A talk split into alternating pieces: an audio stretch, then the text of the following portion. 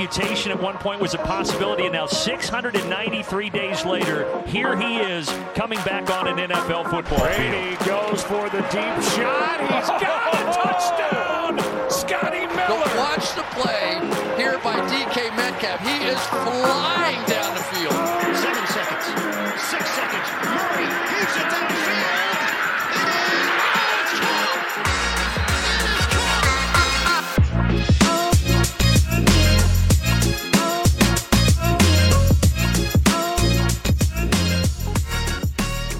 allemaal bij een nieuwe aflevering van de Sport Amerika NFL podcast. Week 10 is alweer done and dusted, dus zijn wij hier bij Sport Amerika samengekomen om eh, die week 10 uitgebreid eh, te bespreken. En als ik het heb over wij, dan eh, is dat ikzelf, Toon Aerts, maar ook Lars Leeftink Goedenavond. en de Skittles etende Jurian Ubachs.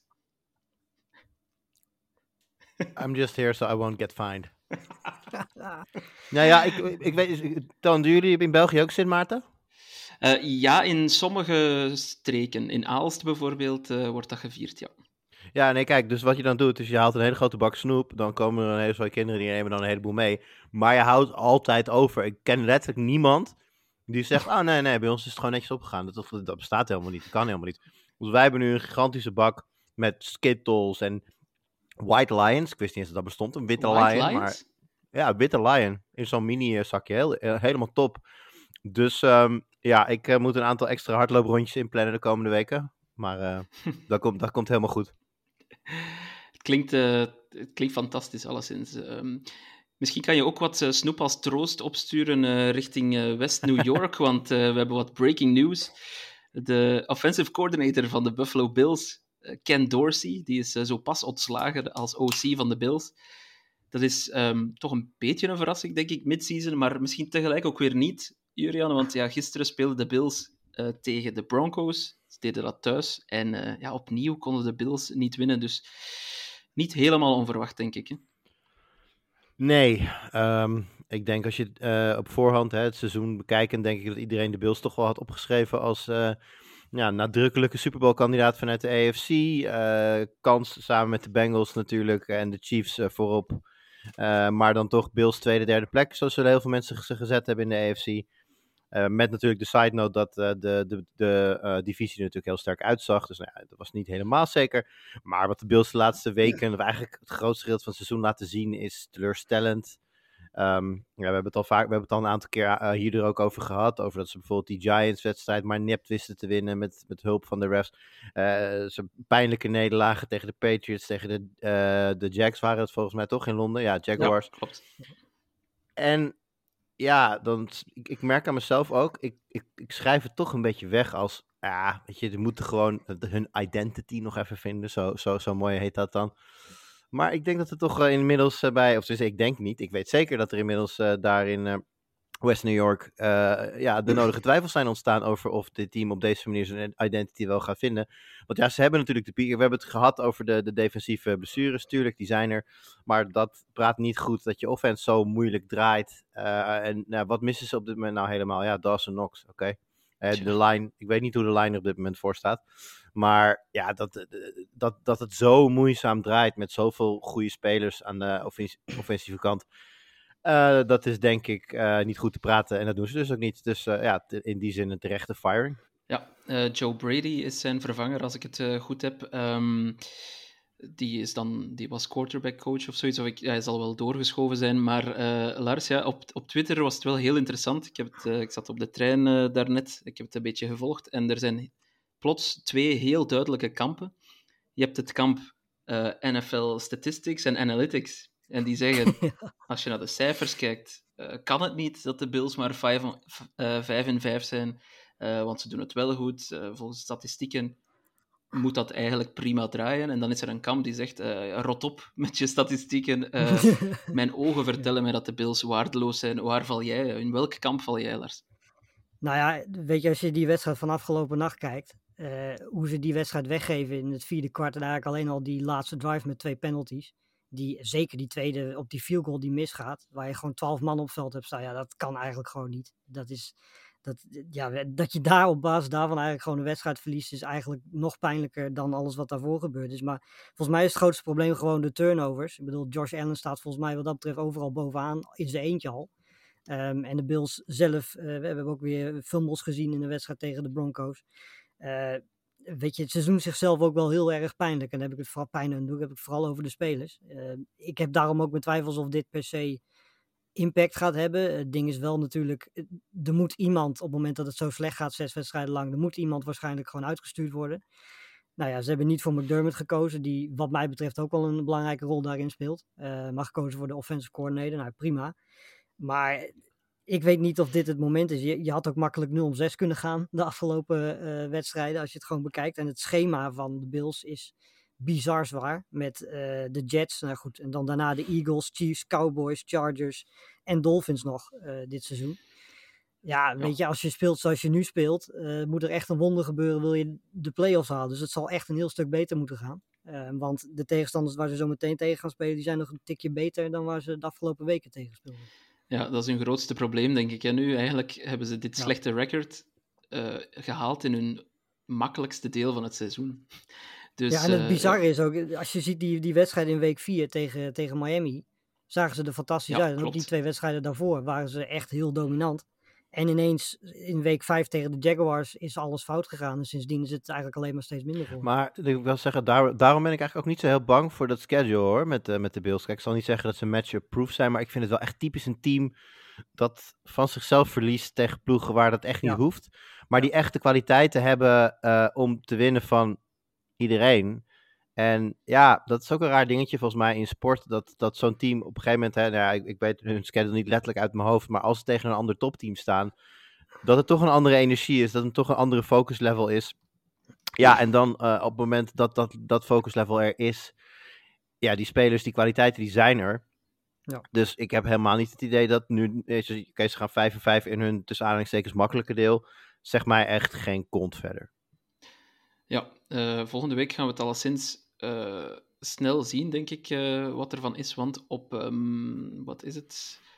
Ah nee, ja, ja, we zullen het zien waar ze moeten thuis tegen de Jets. Het zou een get-right game kunnen zijn, al, al ging het natuurlijk in week 1 van dit seizoen grondig mis tegen de Jets. Um, maar goed, straks gooien we ook wel nog een bloemetje naar de Broncos misschien. Um, Afhankelijk of we daar zin in hebben of niet. Maar laten we eerst uh, naar uh, de traditionele momenten van het weekend gaan. Uh, Jurian, waar heb jij voor gekozen?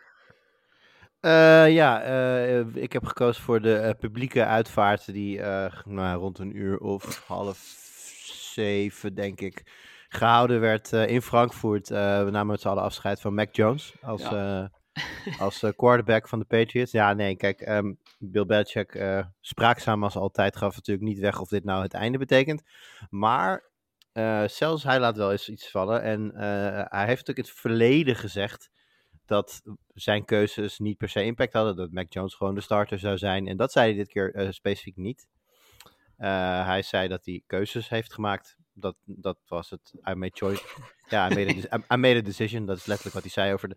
Um, nou, meer uitleg kregen we niet. Maar um, ja, de Patriots waren verschrikkelijk. De Colts waren ook niet best, laat dat voorop staan. Um, komen we denk ik zo nog even die wedstrijd terug.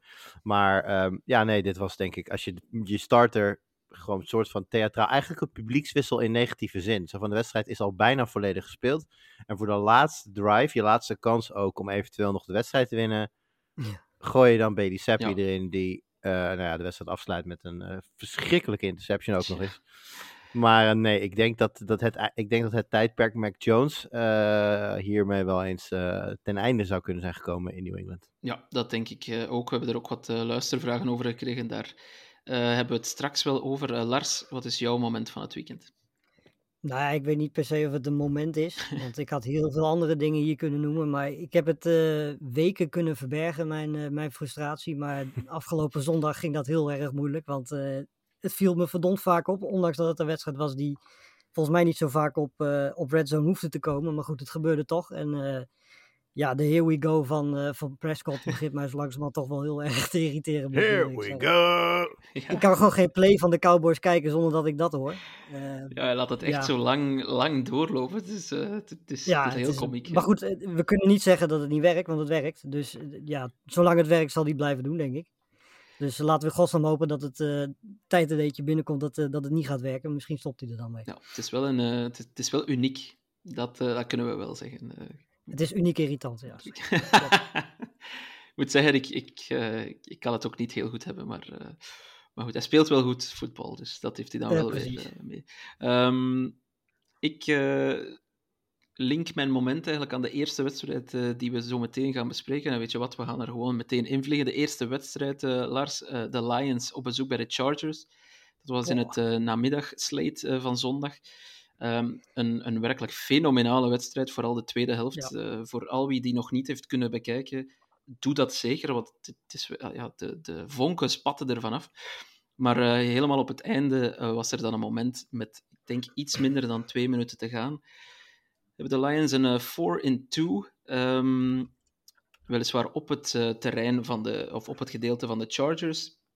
Het staat op dat moment uh, 38-38 gelijk. Um, Chargers hebben geen timeouts meer, als ik me dat goed kan herinneren. En in plaats van daar de makkelijke field goal te trappen, want het was op 30 yards of zoiets, um, kiest Dan Campbell toch gewoon, we gaan ervoor. Uh, 4th 2, we gaan ervoor. En uiteraard, uh, wat gebeurt er? Uh, ze converteren die fourth down, kunnen uh, knielen, de klok laten leeglopen en ze trappen de field goal binnen voor de winst. en het is zo'n moment, ik denk dat de Next Gen Stats of zoiets kwam erop dat eigenlijk ze daar voor de field goal hadden moeten gaan. De statistieken wijzen richting field goal enzovoort enzovoort. Maar Dan Campbell, die, die wil gewoon coach of the season, uh, coach of the year worden, denk ik. Uh, ja. Die heeft ook wel uh, best wat, ja, best wat cojones in zijn broek zitten, denk ik. En, en die gaat er gewoon voor en dat lukt. Dus um, ja, fantastische kerel, Dan Campbell.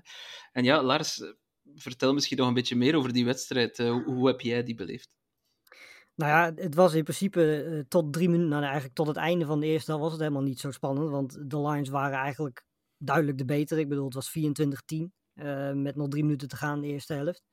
En ik had een beetje het idee dat die touchdown van de Chargers vlak voor rust, dat die eigenlijk een beetje de hele wedstrijd veranderde. Want vanaf dat moment uh, was het Chargers touchdown, Lions touchdown, Chargers touchdown, Lions touchdown, uh, Chargers touchdown. Uiteindelijk dan die field goal, waardoor de Lions alsnog winnen. maar waar ik vooral van genoten heb is Justin Herbert, die voor mijn gevoel altijd op wedstrijden die om tien uur half elf beginnen bizar goed speelt. Uh, ik heb dat echt heel vaak gezien en gooide echt weer ja, fantastische ballen waarin je kunt zien hoe hoog uh, de potentie van een Herbert is. Dat het er niet altijd uitkomt, ook dit jaar weer, dat is jammer. Maar ja, dit soort wedstrijden van hem kun je wel gewoon van zien waarom iedereen zo geniet van het kijken naar Justin Herbert en de Chargers offense, zelfs met alle blessures die ze nu hebben. Um, en aan de kant van de Lions, ja, de playcalling van Johnson, die uh, op dit moment heel veel krediet krijgt en terecht ook, uh, was fantastisch, was ook om te genieten. Dus dat die twee uh, constant tegenover elkaar stonden, ja, en elke drive weer de endzone wisten te vinden met fantastische plays, was, was genieten. En het is, nou ja, niet alleen, het was sowieso een fantastisch weekend, maar dit was wel de mooiste wedstrijd van, van het weekend en misschien wel tot nu toe van, van dit seizoen. Ja, en ik denk dat de Lions... Um nu toch wel laten zien dat ze echt legit zijn. Oké, okay, ze hebben die zware nederlaag geleden tegen de Ravens. Maar dit soort wedstrijden zouden de Giants of uh, de Giants, de Lions of Old, um, denk ik wel verloren hebben nog. Um, ook al is het tegen de Chargers en die vinden ook wel altijd een nieuwe manier om te verliezen. Um, ja, Lars, sommige mensen op Twitter uh, die zeiden al, ja, Ben Johnson die, die heeft hier eigenlijk zijn sollicitatie neergelegd om uh, de nieuwe headcoach van de Chargers te worden. Hoe kijk jij daarnaar? Uh, want ja, Brandon Staley, die, uh, ik denk niet dat hij het overleeft volgend jaar. Nou ja, ik denk dat uh, als de Chargers dat willen, dat ze niet alleen zullen zijn. Want volgens mij was die, stond hij vorig jaar al op een paar lijstjes van, van teams. Besloot hij toen te blijven. Ehm, uiteindelijk heeft dat tot nu toe heel goed uitgepakt. Um, de, de vraag is eerst überhaupt maar of hij überhaupt komend seizoen al een headcoach wil worden. Ja. Hè, want we hebben gezien dat hij dat vorig jaar dus niet wou. En als hij dat wil worden, ja, weet je, ik bedoel, hem combineren met Justin Herbert, ja, weet je, ik denk dat dat uh, zelfs voor, voor hè, mensen die niet van de Chargers zijn, toch wel een, soort van droom is. Als je ziet hoe Johnson het nu met Jared Goff doet uh, en met de Lions doet. ja, als hij dan Herbert tot zijn beschikking heeft, zou je denken dat dat alleen maar een hele goede match zou kunnen zijn. Uh, maar goed, dan moeten de Chargers wel eerst beslissen om Staley te ontslaan. En ik heb om een of andere reden het gevoel dat daar een of ander wereldwonder voor moet gebeuren voordat ze dat een keer doen. Ehm, want zeker verdedigend gezien, en volgens mij hebben we het daar zo'n beetje elke week over, ja. vind ik het vrij bijzonder hoe ze met zoveel talent relatief matig presteren. Het gaat, de laatste week ging het weer een tikje beter, behalve dan in deze wedstrijd weer, dan is het weer ineens vrij dramatisch. Uh, ja, het blijft een beetje apart, zeker omdat Staley natuurlijk eh, van, van origine een verdedigende coach is.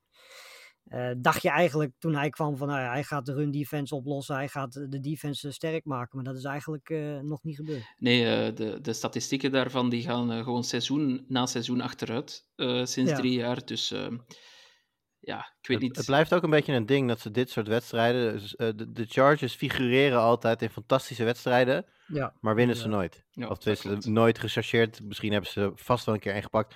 Maar ik zag allerlei statistieken voorbij komen. Ook over Herbert in shootouts. Herbert met, met verschrikkelijk mooie, mooie cijfers eh, in losses. En Ja. dat begint wel een beetje de, de, de, ja, het terugkomende, het terugkerende verhaal van de chart, deze Chargers. Deze Chargers die we al inderdaad een aantal jaar kennen. En ja, Ja. Dat, dit, dit begint een beetje op het terrein van de definition, definition of insanity te komen. Dat Ja. als je doet wat je deed, dan krijg je wat je kreeg. Dus ehm, ja, wellicht is die, eh, die wijziging op headcoach wel helemaal niet zo'n gek idee. Nee, inderdaad. En Misschien ook maar meteen de GM eens vervangen, want die zou dan al zijn vierde headcoach mogen aanstellen. En dat lijkt mij in de NFL ook, eh, ook wel een record, eigenlijk. Eh, normaal krijg je niet zoveel krediet, maar goed. Ehm, gaan we dan naar een team dat ja, wel de close games weet te winnen, alleszins toch de, de afgelopen weken.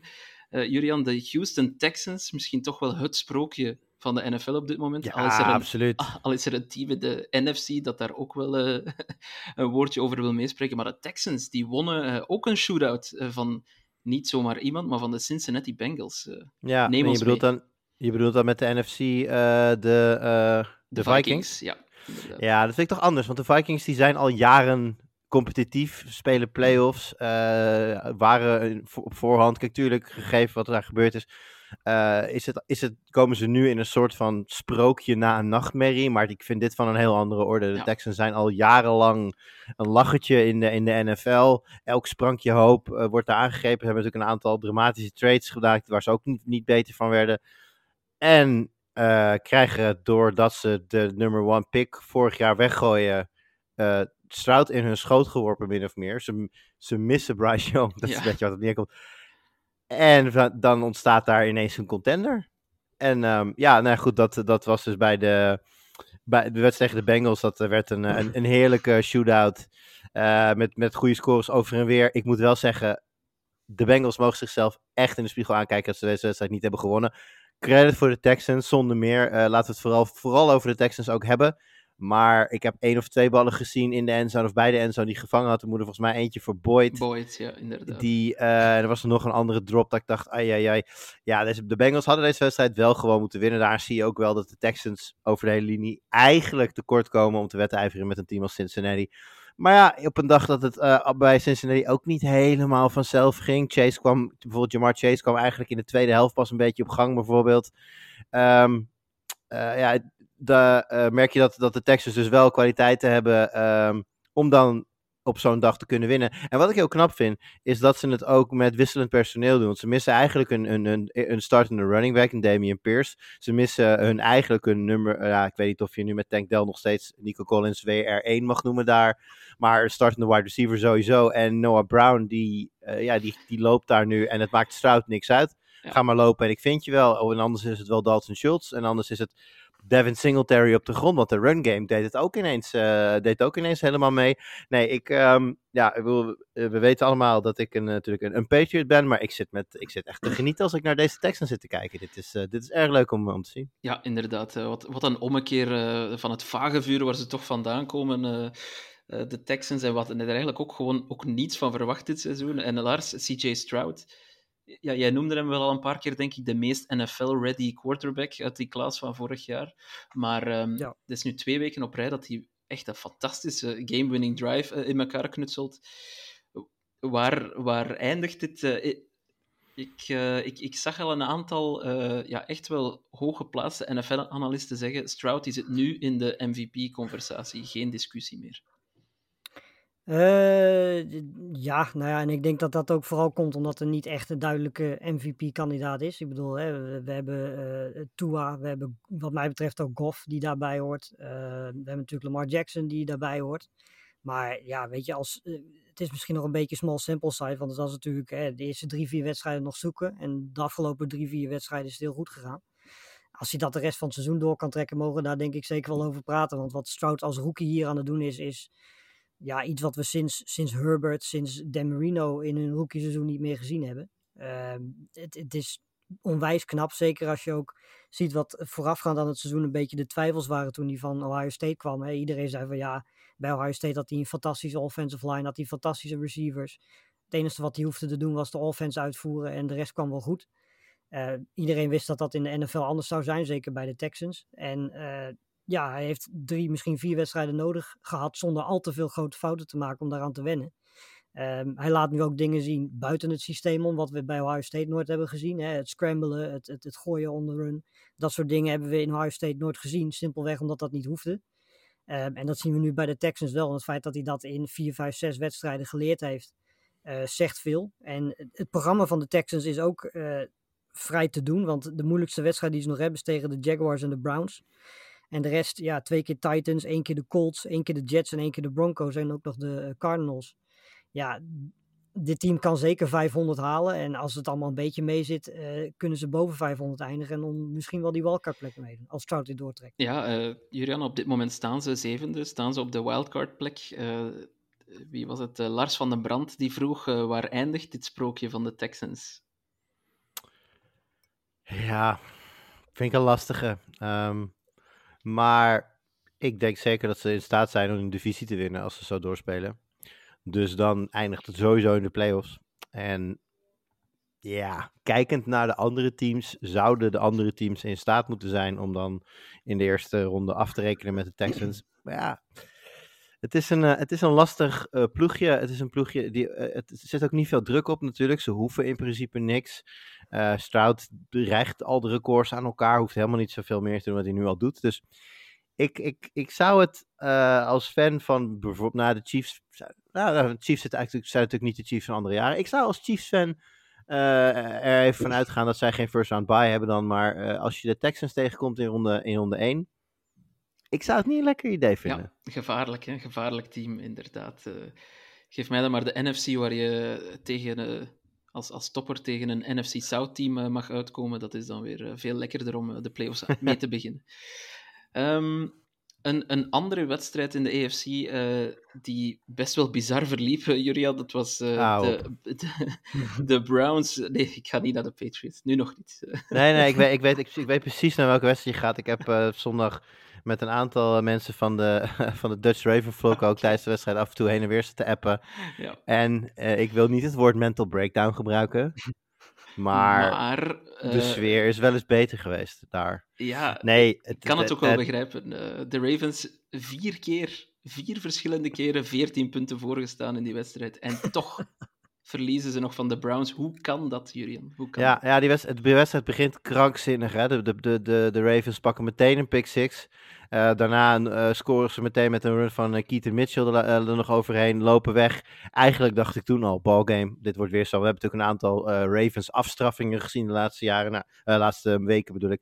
En nou, de, de, de Browns liepen natuurlijk offensief ook niet heel erg lekker de laatste weken. Dus 14-0. Ik dacht, nou, dit gaan de Browns niet meer kunnen overbruggen. Dit is klaar. En uh, wat je zegt, hè, die, die marge van onge ongeveer 14 punten werd de hele wedstrijd uh, behouden. En ineens in het laatste kwart gooit uh, Jackson eigenlijk compleet onnodig een interception. en de volgende drive stalt ze punten de bal. En ineens krijgen krijg, de Browns de kans om de wedstrijd naar zich toe te trekken. En ik zat echt met, met open mond te kijken. Ik denk, hoe, hoe, kan dit? Wat gebeurt hier? Als een hele goede drive van, van, van de Browns om inderdaad... Want volgens mij toen ze de bal kregen stond er nog uh, minuten vijf, denk ik, op de klok. Dus ze spelen heel keurig die hele vijf minuten gewoon uit. En uh, kijken de winnende field goal. Sprakeloos, echt. Ja. En vooral omdat je uh, natuurlijk, we hebben het net over de Bengals gehad. Hè, de elders verliezen de Bengals. nou, wat toch een beetje gezien werd, in ieder geval voor dit weekend, als de grote concurrent voor de, voor de Ravens als het gaat om de divisie. Eh, dus de kans om eh, uit te lopen, en dat is belangrijk, want ze treffen elkaar natuurlijk aankomende donderdag eh, in Thursday Night Football, is het Ravens thuis tegen de Bengals. En ehm, ja, wat ik had gedacht dat het zeg maar de, de, de, de, ja, de, de Tyson tegen, tegen Holyfield zou zijn voor, van, van deze divisie. Ja, er zijn ineens twee andere boxers die zich ook heel nadrukkelijk melden. Want de Bengals staan gewoon keihard onder de Browns en onder de Steelers. Dus ja, die kun je nu niet meer discounten. Ja, en het is, het is, het is, eh, het is echt. eh, hoe, hoe zeg je dat in mooi Engels? Put up or show up? Of wat is het? Eh, ja, ja, inderdaad. het is, het is, het is, ze, moeten, ze moeten allebei. Kijk, de Bengals, als ze nu verliezen van de Ravens, ja, dan wordt het gat wel heel groot. En de Ravens, na zo'n pijnlijke nederlaag tegen de Browns, als ze nou dan verliezen van de Bengals. Ja, dat zijn twee hele pijnlijke tijden. Dan zijn ze nog zeker niet kansloos, want ze staan dan op zijn minst nog steeds gelijk met de, andere, met, de- met de Browns en de Steelers. Ehm, maar ja, het momentum is dan natuurlijk volledig weg.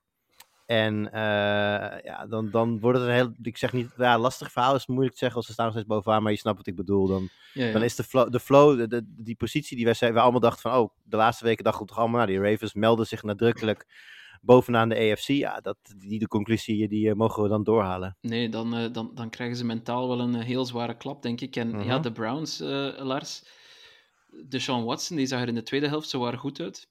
Ehm, Ja, inderdaad. hebben ze toch een recept, denk je, om eh, succes te boeken dit seizoen? Nou ja, weet je, als die, de offense van de Browns iets capabeler en, en consistenter zou zijn geweest, hadden ze een nog beter record dan dat ze nu hebben. Want de, eh, we weten allemaal dat de defense dit jaar eh ijzersterk is onder, onder leiding van Swartz. Maar ehm, ja, het verschil tussen, tussen de eerste helft en de tweede helft bij Watson, weet je, Watson heeft dit jaar eigenlijk niet laten zien. En eigenlijk vorig jaar ook al niet eh, waar ze hem voor betaald hebben. Eh, en ze betalen hem nogal flink, zullen we maar zeggen. Ehm, maar goed, ondanks dat, eh, ja, en hetzelfde geldt voor de Steelers. Het zijn twee teams die aanvallend echt nog zoekende zijn. Ehm, maar ja, ze hebben wel een heel goed record. Ze doen volop mee in die divisie. Ehm, bij de Browns is dat iets verklaarbaarder dan bij de Steelers, maar daar komen we straks nog wel op.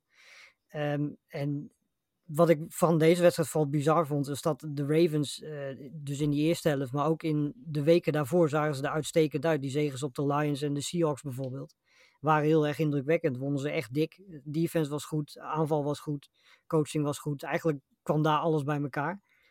Ehm, en dat ging eigenlijk in de eerste helft door. En dan ja, stort het toch weer zo in. Dan moet ik zeggen, die, die pick six in het vierde kwart is een van de meest bizarre dingen die ik eh, dit seizoen gezien heb. Dat, hoeveel ongeluk kun je hebben in één play wat dat betreft.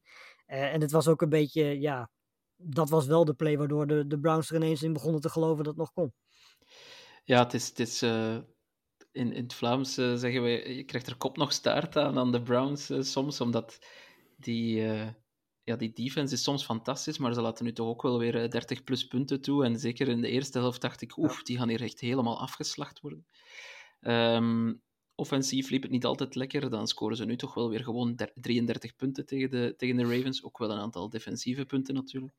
Het is een eh, bizar team, maar ik denk dat ze ik denk dat we eh, ze tot het einde zullen zien meedoen. Ze staan ook maar op een half game nu van de Ravens. Dus eh, Ja. ja. de, de Browns, ze zijn... En ze hebben een makkelijker programma ook dan de Ravens. Als je kijkt waar de Ravens allemaal nog tegen moeten de komende, komende weken. Bengals, Chargers, Jaguars, 49ers, Dolphins.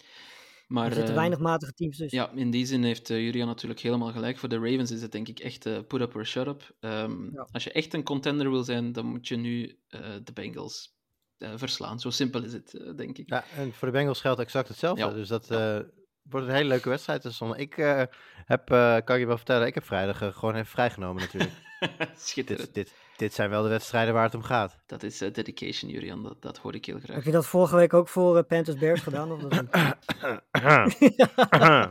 nee, nee dat, uh, je, moet, je moet selectief ja. zijn in, dat soort, in, dit soort, in dit soort nachtjes. Ja. Nee, klopt. We gaan er in deze podcast ook selectief mee omgaan met die wedstrijd. Um, waar we nog heel even op terug gaan komen, misschien is de Broncos uh, op bezoek bij de Bills. Um, we hebben het natuurlijk al wel gehad over uh, Dorsey die ontslaan is, de, de, de, problemen bij de Bills. We krijgen er ook best wel wat uh, luistervragen over.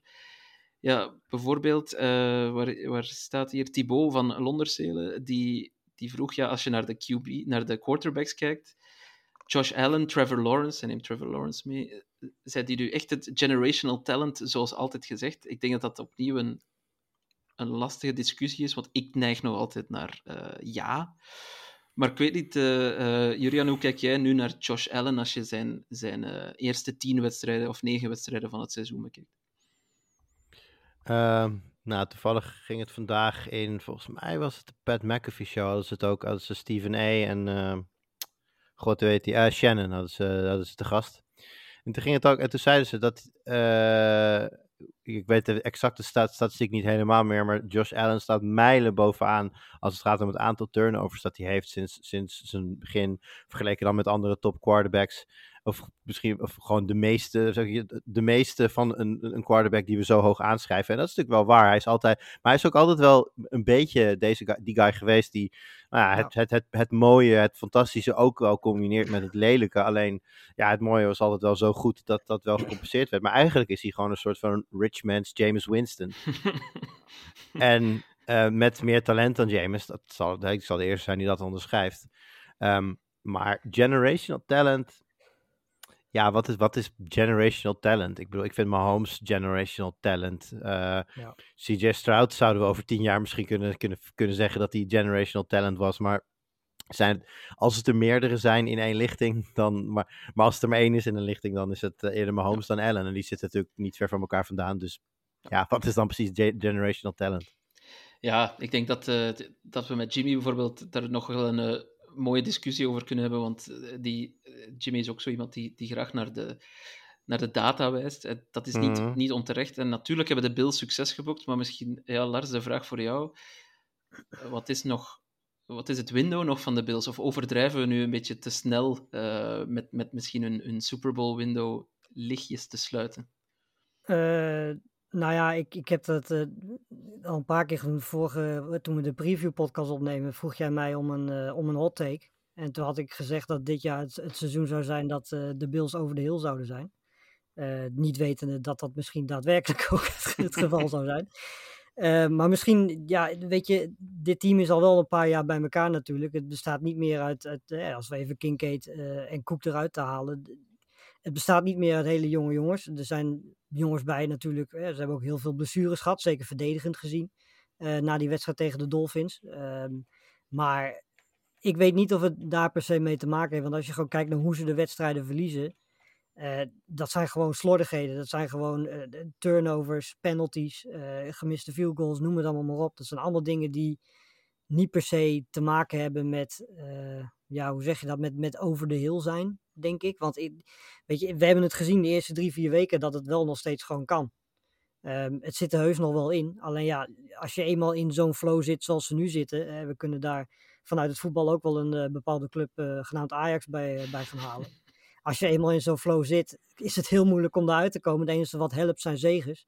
En dat is iets waar de Bills nu ook aan zullen moeten gaan werken. En ik, weet je, ja, de verwachting is dat als je één of twee wedstrijden weer wint, dat die flow er wel weer komt. Alleen ja, we hebben het net ook genoemd, dat programma waarin je dat, in, dat, waarin je dat in moet gaan doen, is, uh, is wel behoorlijk pittig. Dus eh, dit team is nog steeds de top 5, top 10. Alleen ja, op dit moment is die vorm er gewoon niet en stapelt alles zich een beetje op. En ja, één of twee wedstrijden die positief verlopen en die goede zegers boeken en het zou zo weer anders kunnen. Ja. Weten jullie trouwens welke speler te laat was met het veld afrennen bij die 12 man on the field op die field goal?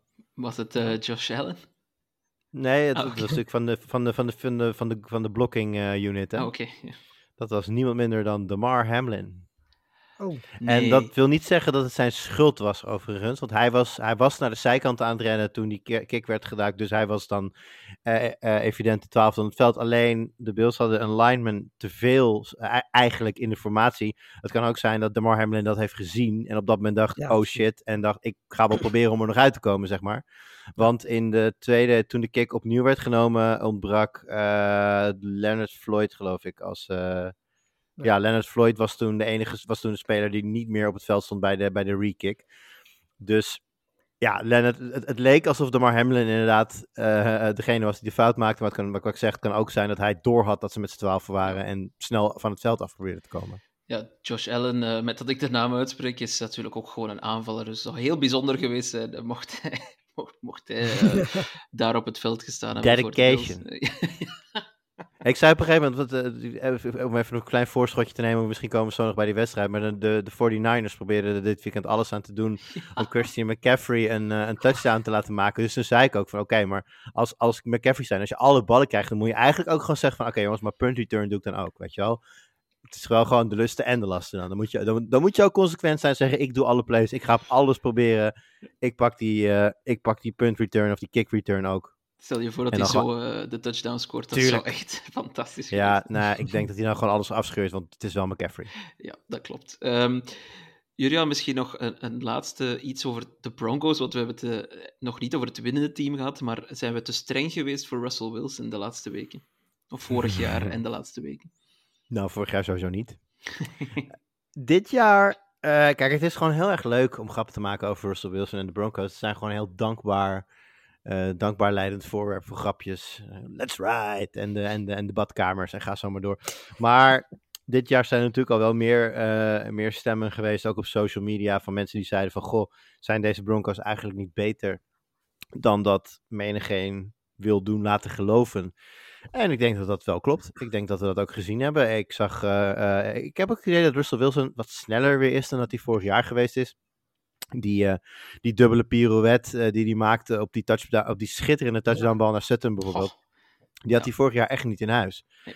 Nou, nu wel. Uh, de, de, de, de, de offense klopt gewoon wat meer dan het vorig jaar ooit gedaan heeft. En dat blijkt ook. En het helpt natuurlijk hem ook dat uh, Javante Williams volgens mij nu echt op stoom begint te komen na zijn, na zijn knieblessure van vorig jaar. Die begint echt wel zijn, zijn oude vorm langzaam te vinden. Ja, en dat geeft zo'n verdediging natuurlijk ook wat meer om over na te denken. En dat geeft dan Wilson wat meer ruimte in de passing game. Dus nee, het, het, het, ik wil niet zeggen dat ik hem gekald had, maar ik had hem gekald in een gesprek met een vriend van mij. Zei ik vorige week van, nou, ik zie, ik zie Denver hier wel winnen eigenlijk. Maar dan ja. moet je natuurlijk wel je money nog waar je mouth is doen. Ik had er niet op gegokt, dus dat, dat dan ja, wat ook helpt is dat de laatste vier weken de Broncos defense ook een stuk beter is geworden. Want die, de eerste, wat was het, de eerste vijf, zes weken was het echt drama. Ja. En de afgelopen vier, twee keer tegen de Chiefs, één keer tegen de Packers. Nou ja, goed, eh, whatever. En dan één keer tegen de Bills. Weet je, dat je dat drie keer kan doen tegen twee van zulke teams is, is heel erg hoopgevend. Als je weet dat ze in die wedstrijd tegen de Dolphins 70 punten hebben weggegeven. Dat is, Wat dat betreft deze defense wel een stuk gegroeid. En op dat vlak moeten we misschien allemaal eens leren om, een week, eh, om de eerste maand van een, van een NFL-seizoen niet al te serieus te nemen. Maar goed, uh, we moeten iets hebben om over te praten natuurlijk. Uh, trouwens, die touchdown van, uh, van Cortland Sutton. Ja, ik, ik hoop dat George Pickens bijvoorbeeld gekeken heeft hoe je dat dan doet met je twee voeten inbounds een toe drag doen. Want dat was echt van het, uh, ja, toch van het mooiste dat ik dit jaar al gezien heb, denk ik, van een, van een receiver. Echt, uh, echt ja. geweldig.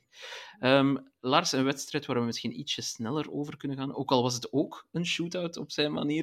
De Commanders op bezoek bij de Seahawks. De Commanders die mij gek genoeg competitiever lijken sinds dat Young, en, Young en Sweaty weg zijn. Um, ja, die, die maakten het de Seahawks heel erg moeilijk. Het werd uiteindelijk 26-29 voor de Seahawks, maar dat, ja. uh, dat, zag er lang eigenlijk niet zo uit. Nee, de, de, heel lang was het sowieso eigenlijk niet zo'n zo'n hele goede wedstrijd aanvallend gezien. Het was eigenlijk pas het, het vierde kwart dat het een beetje loskwam. En uh, ja, ik, ik, ben vooral heel erg in de war van, van Sam Howell, moet ik zeggen. Want ik, ik, zie hem soms dingen doen dat ik denk van, dat is echt een hele goede quarterback. Die laat echt goede dingen zien. Deze hele wedstrijd was hij eigenlijk gewoon uitstekend. Maar we hebben ook wedstrijden gezien dat je denkt van waarom hou je die bal zo lang vast? Uh, waarom gooi je die bal daar überhaupt heen? Uh, hij wisselt een beetje ja, goede momenten met hele slechte momenten af. Uh, en in deze wedstrijd was die, was die fantastisch. Uh, Gino Smith was trouwens ook prima, zeker in de, in de tweede helft. Um, maar ja, uiteindelijk levert je het geen zegen op. En dat is ook een beetje het probleem van, van de Commanders. Want ze verliezen eigenlijk van alle teams die beter zijn. En ze winnen eigenlijk van alle teams die slechter zijn. En ja, als je dat doet, dan kom je op 500 uit. En dat is waarschijnlijk ook zo'n beetje waar de grens ligt van, uh, van dit team. En ik denk dat dat wat ze vooral tegenhoudt, de defense is. Want als ik kijk naar wat daar speelt en hoe ze dit jaar presteren, dan moet daar volgens mijn gevoel, net zoals bij de Chargers, toch meer uit te halen zijn. Het is natuurlijk wel zo, ze hebben natuurlijk twee hele goede pass rushers uh, getrade. Dat helpt absoluut niet mee. Nee. Maar uh, toch heb ik het gevoel, als je kijkt naar wat er in, op dat roster staat, dat daar meer uit halen valt dan, dan nu. En ja, de offense, met het talent dat ze hebben, doen ze wat ze moeten doen. Ik vind wel trouwens dat McLaurin, ik weet niet of dat bij jullie ook zo is, maar die valt mij heel weinig op dit seizoen. Vind ik vrij, vrij onzichtbaar spelen. Ehm, ik zag ook in deze wedstrijd dat Robinson, die had eh, 119 receiving yards. En dan hebben we het over de running back eh, Ro- Robinson. Eh, ja, Gibson, ook een running back, was de tweede receiver met 42 yards in, eh, in deze wedstrijd. Ehm, dus ja, weet je, de offense heeft meer dan genoeg wapens en is leuk om naar te kijken ook. Ehm, alleen ja, het levert, eh, het levert geen zegens op op dit moment. En als je, ja, weet je, de Seahawks zijn een goed team. Maar als je echt om de wildcard-plek mee wil doen, moet je dit soort wedstrijden ook kunnen winnen. En tot nu toe is het zo dat ze tegen goede teams winnen, eh, verliezen en tegen slechte teams winnen. Ja, Sam Howell doet mij heel sterk denken aan types als ehm, eh, eh, Ryan Fitzpatrick of ehm, eh, Ja. met de mullet, eh, Minshew. Ehm, Zo van die no-nonsense guys die, die een kanon van een arm hebben, maar die ook wel ook gewoon ja, gekke dingen doen en fouten maken. hè. Maar ze zijn wel leuk om naar te kijken. Ehm, misschien nog een laatste vraagje over de Seahawks. Ja, hoe, hoe goed zijn die nu echt? Want ik heb, het, ik heb de indruk dat het toch alweer een, een paar weken stroever gaat dan, eh, dan in het begin van het seizoen. En ik, weet niet of ik de Seahawks eh, serieus moet nemen, Lars. Eh, vertel jij mij het. Ja, ik eh, moet zeggen dat ik dat ook nog heel moeilijk vind. Deels ook omdat ze ja, bijvoorbeeld gewonnen hebben van, van de Lions begin van dit seizoen. Maar ze hebben verloren en, en dik ook van, van, van de Ravens natuurlijk. wat was het vorige week? Ehm, het ding is, we gaan de komende weken er wel een beetje achter komen of de, de Seahawks daadwerkelijk een goed team zijn. Want we hebben onder meer de 49ers, Cowboys, 49ers en Eagles op programma staan achter elkaar. Dus eh, ja, in die weken mogen ze zich daadwerkelijk gaan, gaan meten met de beste vanuit eh, de NFC. Naast natuurlijk dat ze al tegen de Lions gespeeld hebben. Ehm, maar ja, ik heb een het gevoel dat dit een team is achter de ja, top tier van de NFC, Ja. zeg maar. Een, een, ja, een wildcard team. eh, dat gevaarlijk is waar je, nou ja, als je daar tegen moet spelen in, in de eerste ronde. Maar waar je normaal gesproken als je daar tegen speelt in de playoffs. eh de betere in bent hè, van de drie, vier teams die, die je dan kunt matchen. Ja, ik, eh, ik heb ook sterk het gevoel dat de Seahawks zo'n soort one-and-done eh, team, team Ja. zullen zijn in de playoffs. Maar goed, ze mogen mij eh, absoluut verrassen. Ehm Julian, een, een andere verrassing mogen we toch wel zeggen, dat zijn de Vikings. Ehm, vijf zegens op een rij intussen. En ja, ook zondag hè, met, met, met Joshua Dobbs voor het eerst als echte starter. Eh, voor het eerst ook dat hij de namen van zijn teamgenoten kent, eh, vermoed ik. Ehm, en hij- ja, zijn eerste helft was fenomenaal. Eh, neem ons mee. Ja, het, het is eigenlijk verbazingwekkend wat daar gebeurt. Want het, voor onze logische minds is het onmogelijk om als speler, als quarterback zijn van de straat een, een team in te lopen en dan, alsof je er het hele seizoen bij bent geweest, gewoon te spelen alsof je er altijd hebt gespeeld. En, eh, en het gekke is, en dat is nog veel gekker, er ligt ineens ook een playbook met, met, met, met run option plays. Ja. Waar komt dat vandaan? Bedoel, eh, kijk, natuurlijk is hè, de, natuurlijk zoiets valt best eh, in, in te slijpen, maar dat in een week tijd. En eh, ja, de, de, Vikings eh, transformeren voor onze ogen pijlsnel tot een team met een, eh, mobiele quarterback. En daar maken ze gebruik van. Eh Dobbs natuurlijk met een, een, een, briljante touchdown run. Ky- Kyler Murray-esque eigenlijk een beetje. De ene kant op, oh nee, toch maar de andere kant op en touchdown. Nou ja, we zagen natuurlijk bij Arizona dat Dobbs het heel erg leuk vindt om naar tight ends te gooien. Dus eh, toen, hij, toen hij naar ehm, de Vikings ging, dacht ik al, oh, dat wordt leuk voor Hawkinson. Nou ja, dat zagen we deze wedstrijd, want die werd eh, zelfs op limited snaps. Want Hawkinson had een, eh, volgens mij een, een rugblessure. Ja, dus die een- speelde niet alle... Ja, of een speelde ribblessure, niet al- ik weet het niet goed. Ja. Ja, maar hij had in ieder geval iets. Hij speelde niet alle snaps. Maar als hij er stond, dan kreeg hij over het algemeen wel de bal. En nou ja, dat, dat leverde een hoop op. Want ja, de, de, de, de Vikings waren overrompelend. ook tegen de Saints. Is natuurlijk wel pech. die eh, verliezen vroeg in de wedstrijd eh Derek Carr, quarterback.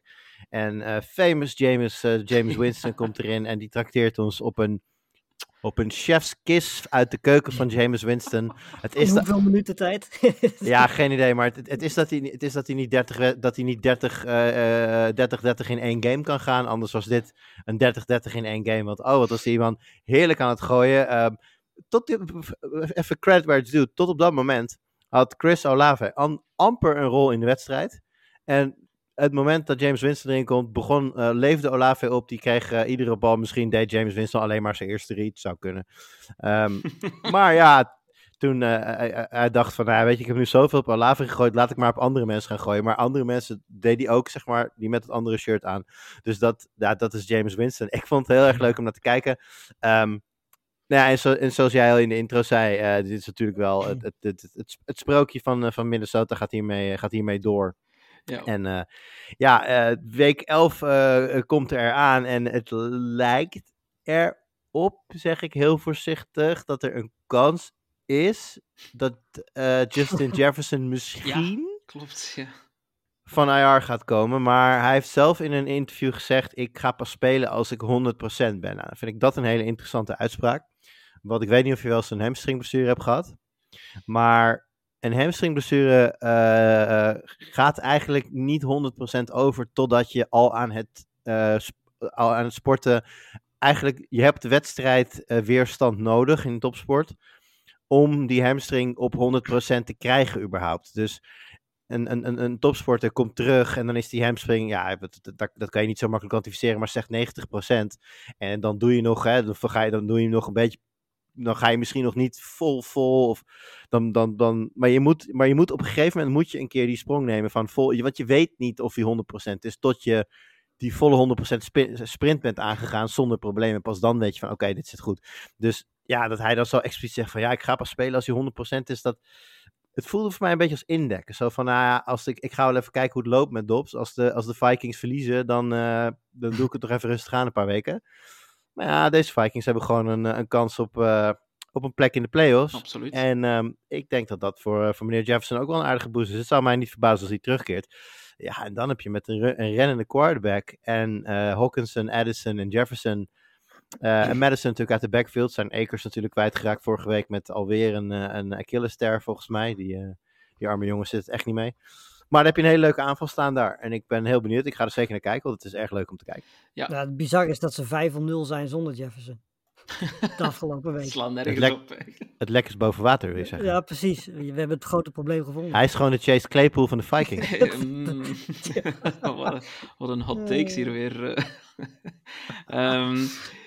Ja, eh, Vloei, eh, dat is ook wel een interessante luistervraag nog. Vloei die, die vroeg zich af, Dobbs gaat die volgend jaar ergens eh, QB1 zijn? En dat vind ik wel een interessante, want sowieso zijn er nu teams die hier naar kijken en denken, hm, die kan een soort eh, brug quarterback zijn, of, eh, Maar of die kan het hij hier, werd al gezien als een, als, een, als een startende quarterback voordat hij dit deed. Want de Titans besloten hem te starten voor, eh, voor Willis bijvoorbeeld. Nou ja, we hebben... Ik moet heel eerlijk zeggen dat ik eigenlijk al niet eens meer... Hij speelde hiervoor natuurlijk bij de Cardinals. Nou, daar hè, werd hij ook uiteindelijk gekozen als starter. En dat was eigenlijk nog... Nou ja, Gekozen, gekozen. Ja, nou ja, goed. Kyler Murray was stuk. Ja, oké. Maar goed, ze laat ik zo zeggen, ze hadden nog drie andere opties. Nou waren die opties ook niet zo fantastisch. Clayton Tune. Ja, McCoy. En McCoy is ook geblesseerd volgens mij. Maar Ja. goed, maakt niet uit. Maar in ieder geval, weet je, ik bedoel... Ja, als die trend zich zo doorzet en als hij dit blijft doen bij de Vikings, dan gaat hij dat sowieso wel, wel ergens een keer een kans krijgen. Want ja, als we ook dit jaar weer zien, er zijn zo enorm veel blessures bij quarterbacks. Het is, eh, ik- ja, we zeggen het elk jaar, het lijkt wel alsof het dit jaar extreem is. Maar er zijn niet, volgens mij niet zo heel veel teams meer over die echt een compleet fitte of een fitte quarterback hebben. Ehm, dus ja, ik, nee, ik denk wel dat hij volgend jaar een eh, kans gaat krijgen. Zeker als hij blijft spelen zoals hij het nu doet. Ja, ik, denk dat de kom- ik, ik denk dat de komende weken, sorry Toon, ik denk dat de komende weken eh, daarin heel, be- heel beslissend gaan worden hoe dit verder gaat. Want laten we niet vergeten dat de, dat de nummer 1 quarterback in Minnesota volgend jaar helemaal geen contract heeft. ja, klopt. Dus op, op het moment dat deze aanval loopt, en misschien zelfs wel met een extra dimensie, zoals we afgelopen weekend hebben gezien, ehm, dan, is het, dan vind ik het nog helemaal niet gezegd dat de Vikings teruggaan naar Cousins. Sterker, de man, de man scheurt zijn Achilles af, dat is een zware blessure. Nou kan een quarterback daar iets sneller van terugkomen dan een running back. Hè. Die belasting is natuurlijk anders. Cousins is ook niet afhankelijk van zijn, van zijn running game verder om, eh, om te kunnen spelen. Maar ja, die man die gaat eerst een heel lang hersteltraject in. En ehm, ja, als Dobbs er dan gewoon het gewoon goed heeft gedaan, zie ik echt geen reden waarom ze zelf niet gewoon Dobbs gaan proberen om, eh, om als starter daar aanwezig te houden. Ja, want volgens mij was de con- consensus wel een beetje dat dit het laatste seizoen van eh, Cousins in, in Minnesota zou kunnen zijn. En inderdaad, als, eh, als Dobbs de playoffs haalt met de Vikings, why not? Eh, dan is hij een goedkopere optie, denk ik, dan, eh, dan Cousins. Dus Ja, en de Vikings zijn ook nu al te goed om echt de, de allerhoogste draft picks te gaan, Ja. de- te gaan doen. Die gaan zij niet krijgen. Dus ja, voor hun zou voor komend jaar misschien de beste optie de facto wel sowieso wel Dobbs kunnen zijn wellicht. Interessant om, om in de gaten te houden. Misschien heel kort, Lars, jouw team, de Packers, eh, op bezoek bij de Steelers. Wat ik daar gewoon heel grappig vind, is dat de Steelers ehm, opnieuw winnen eh, met minder offensieve yards dan hun tegenstander. Eh, ze hebben dit Oh, seizoen in elk van hun wedstrijden, dat zijn er al negen intussen, hebben ze minder yards gehaald dan hun tegenstander. En toch hebben de Steelers vijf, zege- eh, wat zeg ik, zes zegens. Dus ehm, ja, make it make sense. Ja, nou, ik zou willen dat ik dat kon, maar ik heb ze afgelopen, hè, wat was het gisteren en eh, zondagavond voor het eerst een hele wedstrijd gezien en ik snap het daar ook niet. Ehm, ja, het team is verdedigend gezien is het natuurlijk prima, maar het is zeker aanvallend gezien. Pickett heeft niet die, die stap kunnen zetten waar we misschien wel een beetje rekening mee hadden gehouden. Eh is dat zo? game. Ja, ik- Nou, kijk, eh, Pick- Pickett is niet de man die, die in mijn hoofd opkomt dat ik denk van, goh, wat is nou echt een leuke quarterback om naar te kijken. Maar het is wel, hij maakt relatief weinig fouten. Hij houdt daarmee de Steelers in wedstrijden. Hij eh managt de games goed genoeg voor de defense eigenlijk om wedstrijden te winnen. Ja. En doet zelf, ja, op het moment dat het moet, want hij staat ook nog hoog in, eh, je hebt zo'n statistiek die bijhoudt hoeveel game-winning drives quarterback hebben. En daar doet hij het dan weer goed in. Wat mij doet vermoeden dat als het echt moet, hij het wel kan. Kijk, tuurlijk eh, mist hij heel regelmatig een Deontay Johnson of, of, of, een, eh, of een Pickens op wide open ballen. Maar hij doet op dit moment precies wat, wat, wat Pittsburgh nodig heeft. Het is, het is geen, geen, geen Kansas City of Chargers of zo, of, of, of Lions. Het is, het is geen high-flying offense. Het is, het is gritty. Het is, het is, het is, wer- het is werkvoetbal, zoals we het in, eh, op zijn Europees zouden zeggen. En dat is ook eigenlijk een beetje wat de Steelers zijn, wat in het DNA van de Steelers zit, volgens mij. Dus Ja. kijk, ik zal niet zeggen dat, dat, dat Tomlin niet af en toe eh likkebaarder naar andere quarterbacks kijkt. En, maar ja, dit, dat, zeg maar, wat, een, wat een Herbert doet, ja, dat is niet de opdracht waarmee Pickett in het veld staat. Dus ik vind eigenlijk dat die jongen het best wel goed doet dit jaar. Ja, de- maar als je gewoon op papier ook naar, naar dat team kijkt, eh, heb ik toch ook de indruk dat er meer mee te doen valt dan, dan minder yards Ja. halen dan werkelijk elke tegenstander die je hebt eh, dit seizoen. Ja. Eh, dat zijn niet allemaal topteams, eh, getuigen eh, de Packers, zou ik zeggen. Maar de ploeg met de meeste yards komt niet in de playoffs terecht. Nee. Dat klopt. Dat Nee, klopt. Waarschijnlijk wel trouwens, maar dat is niet de reden dat ze in de playoffs staan. En nou ja, goed, dus de Steelers zijn 6 en 3. Ja, het, uiteindelijk is het gelijk aan de kant van de winnaar. Dus niet, dus niet de Packers in dit geval.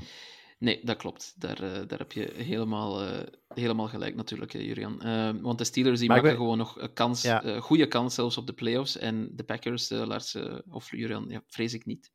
Ja, het geeft maar Lars. nee, dat, eh, ik moet zeggen dat die kans wel sinds de wedstrijden tegen de Raiders en Broncos wel weg is. Die, eh, dat je die twee verloren hebt, dat, is, eh, ja, dat zit me nog steeds dwars, moet ik heel eerlijk zeggen.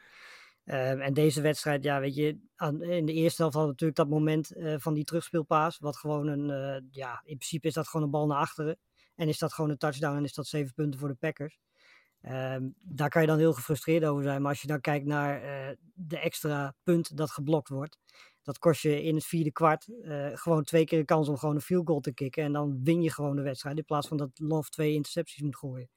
Ehm, ja, weet je, eh, daarnaast trouwens ook, als de Packers gewoon een, running game hadden en gewoon konden runblokken, dan had Love ook minder druk gehad. Dat kan die ook, hoeft hij ook minder te gooien. Kun je ook in de slotfase gewoon ja, de klok laten uitlopen, twee field goals kicken en je wint ook. Ehm, dus ja, maar goed, het is een beetje, het, het, is een beetje wennen dat de Packers er zo voor staan. Want dat ja, zijn Packers fans natuurlijk niet gewend. Zo'n quarterback en zo'n offense vooral. Ehm, en dat je nu al bezig bent met, eh, met mock drafts en met, eh, met de draft van volgend jaar. Dat is natuurlijk voor, voor, voor Packers fans helemaal iets eh, nieuws. Ja. Maar ja, het, het gaat gewoon zoals verwacht. Het is ups en downs. En wat dat betreft hebben we in deze wedstrijd in ieder geval weer een beetje wat passes van Love gezien. Die we ook in de eerste vier weken zagen. Dus dat is weer een, een, verbeterpunt. En ja, het is gewoon hopen dat het eh, nu de komende weken zich doorzet. Zeker aanvallend gezien. Want ja, verdedigend gezien is dit nog steeds gewoon een prima defense. Die in het merendeel van de wedstrijden ook de Packers er gewoon inhoudt. Hoe eh, wordt er door de fanbase verder gekeken naar Love en de verdere eh, aanval Lars? Nou, eh, er wordt vooral eh, een beetje met, met twijfel gekeken naar ze, het maken van zijn beslissingen. Bijvoorbeeld die, eh, de, de bal in het vierde kwart die hij gooit naar Watson. was redelijk duidelijk dat daar in principe geen ruimte is. Zo zijn er nog wel meer passes te vinden van hem. Waarvan Ja. je denkt van ja, weet je, neem je checkdown wat vaker. neem wat minder vaak het risico dat je neemt. Hè, want Love is iemand die heel graag lange ballen gooit. en, en, en diep wil gaan. Ehm, maar ze herkennen ook wel dat dit team eh, allemaal aanvallende spelers heeft die 24 jaar of jonger zijn als je Aaron Jones wegdenkt. Dus het is gewoon een extreem jonge offense en dat zie je ook bij de receivers. Ik geloof dat als je de drops van, van Love wegdenkt, hij zit nu op 58% completion percentage, dan zou hij nu op 68% completion percentage zitten. Dus je ziet ook gewoon aan de receivers dat die eh, ja, ook gewoon momenten laten zien. Watson bijvoorbeeld in deze wedstrijd heeft, ja, die was zo ongelooflijk matig als je kijkt naar, naar zijn route running, ballen die hij laat vallen. Niet alleen deze wedstrijd, maar het hele seizoen al. Eh, dan zie je ook gewoon dat hij niet door zijn receivers eh, en eigenlijk ook niet door de playcalling wordt geholpen. Want eh, dus het, het, is niet per se kritiek op Love, het is vooral kritiek op eigenlijk de hele offense, maar ook het herkennen dat het gewoon een hele jonge offense is waarvan van tevoren verwacht was dat dit ging gebeuren.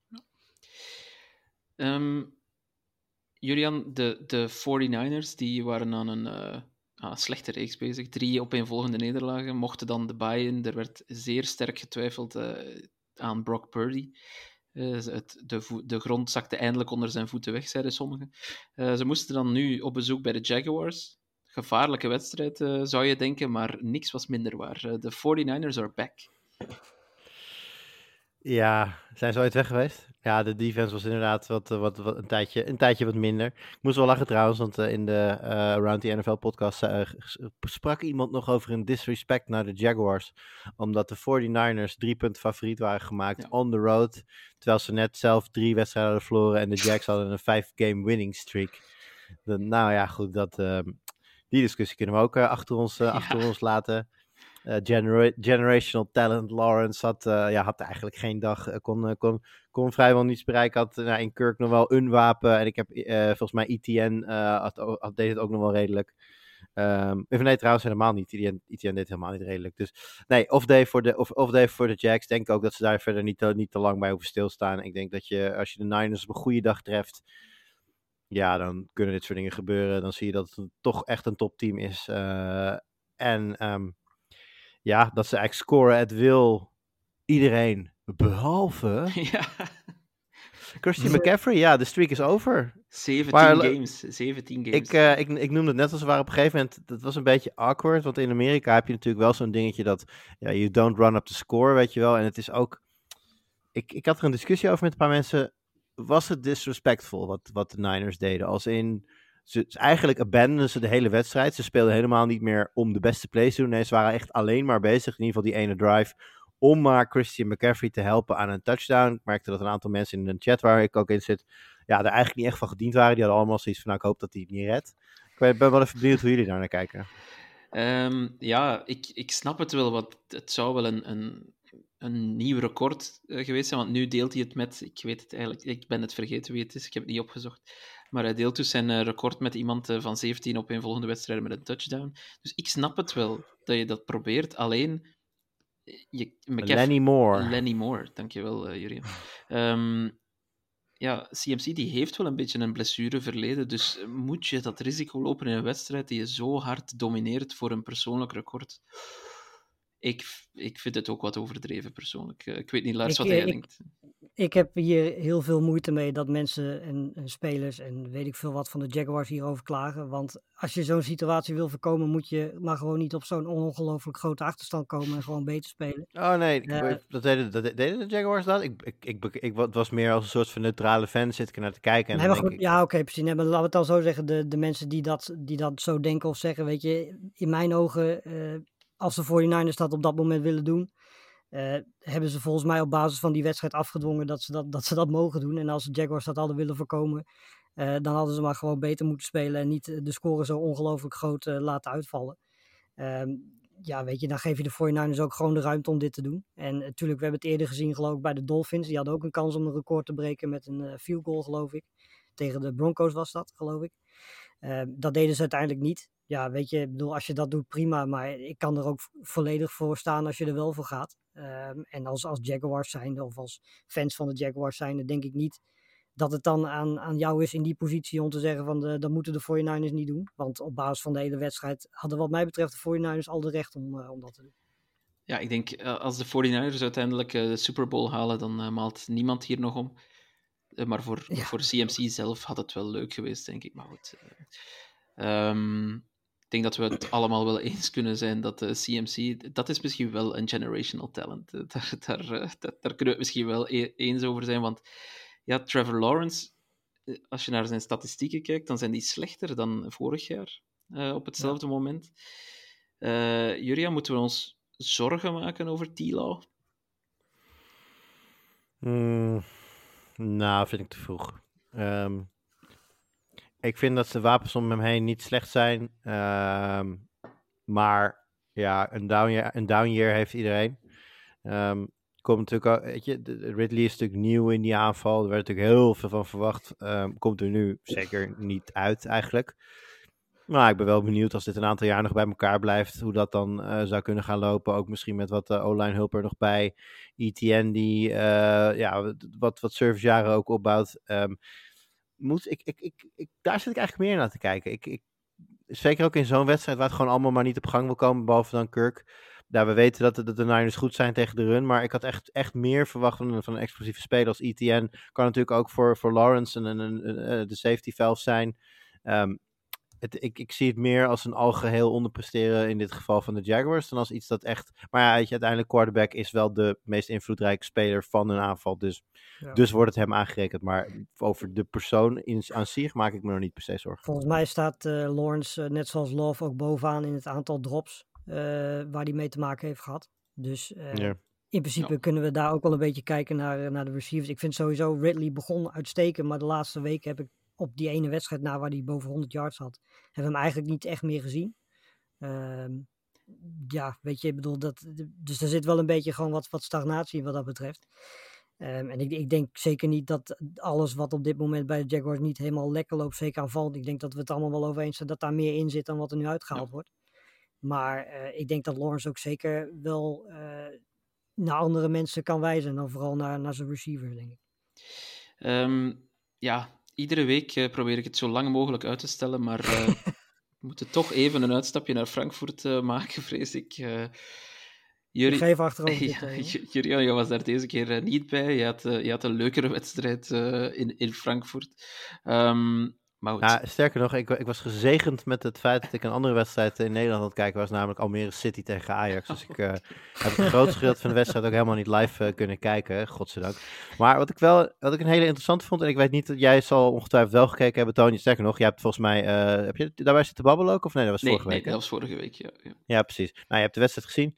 Een aantal mensen die aanwezig waren van de Nederlandse Patriots fanscharen, een daarvan in bijzonder, Bart, die zei de Patriots speelden eigenlijk heel goed. Tot aan de red zone, daar ging alles mis. Maar het, de, running game zag er goed uit. Hij vond op momenten Mac Jones ook goed spelen. Uh, het was zijn versie. Hij zat, natuurlijk in het, hij zat in het stadion en hij is Patriots fan. Dus dat is de disclaimer. Tegelijkertijd, hij is ook American football speler. Hij speelt flag voetbal, gaat misschien wel naar de, als hij heel erg zijn best doet, naar de Spelen.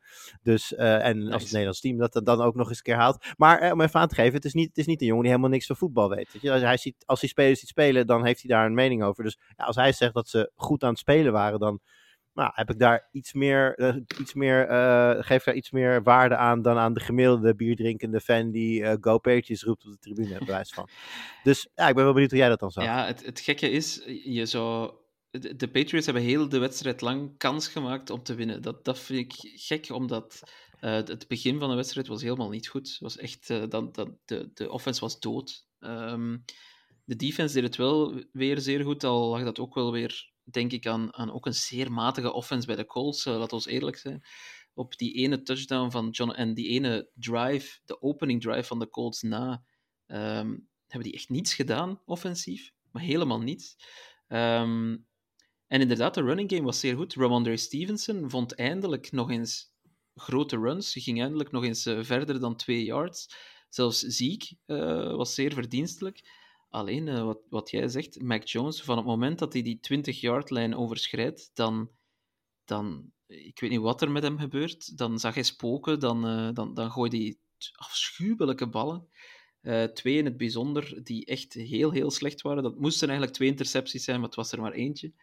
Ehm, maar, eh, maar, maar ik weet zelfs niet hoe het mechanisch lukt om zo'n slechte bal te werpen als je een startende quarterback in de NFL bent. Zo, eh, zo verbazingwekkend slecht vond ik eh, zeker die, die interceptie. vierde kwart. Ja, ja, Ja. ja. Ehm, Ja. Ja, maar goed, om het punt van Bart dan eventjes te onderschrijven. je, De, de Patriots hadden wel 340 total yards eh, on, on offense tegenover de 264 van de Colts. Het- ja, de, de- de- ik wil niet. Ze hadden deze wedstrijd eigenlijk nooit mogen verliezen. Nee, dat, dat is een beetje het, rare ervan. Ja. Ehm, maar de echte verliezer waren alle mensen in het stadion. Want ik, de, er is namelijk in het eerste kwart is er een, eh, is er, eh, een field goal en een touchdown gemaakt. In het tweede kwart zijn er twee field goals gemaakt. Eh, sorry, in het vierde kwart. Sorry, eerste kwart het vierde. Dus het hele tweede kwart en het hele derde kwart is niet gescoord. Punt, punt, punt, Alleen- punt, punt. Ja.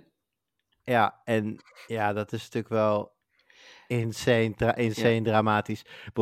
Hè, nog even los van het feit dat de Patriots zei dat lucht is voor ons. Daar zijn we inmiddels wel aan gewend dit seizoen. Ja. Dat is niet zo erg. Maar ja, je hoopt natuurlijk eh, dat de, de, de, de, de potjes die dan in Europa gespeeld worden, dat het een beetje reclame is ook voor, voor de NFL. En ik denk dat Londen dit jaar een aantal hele leuke wedstrijden heeft gezien. Ja. Eh, Ravens Titans was in ieder geval heel spannend.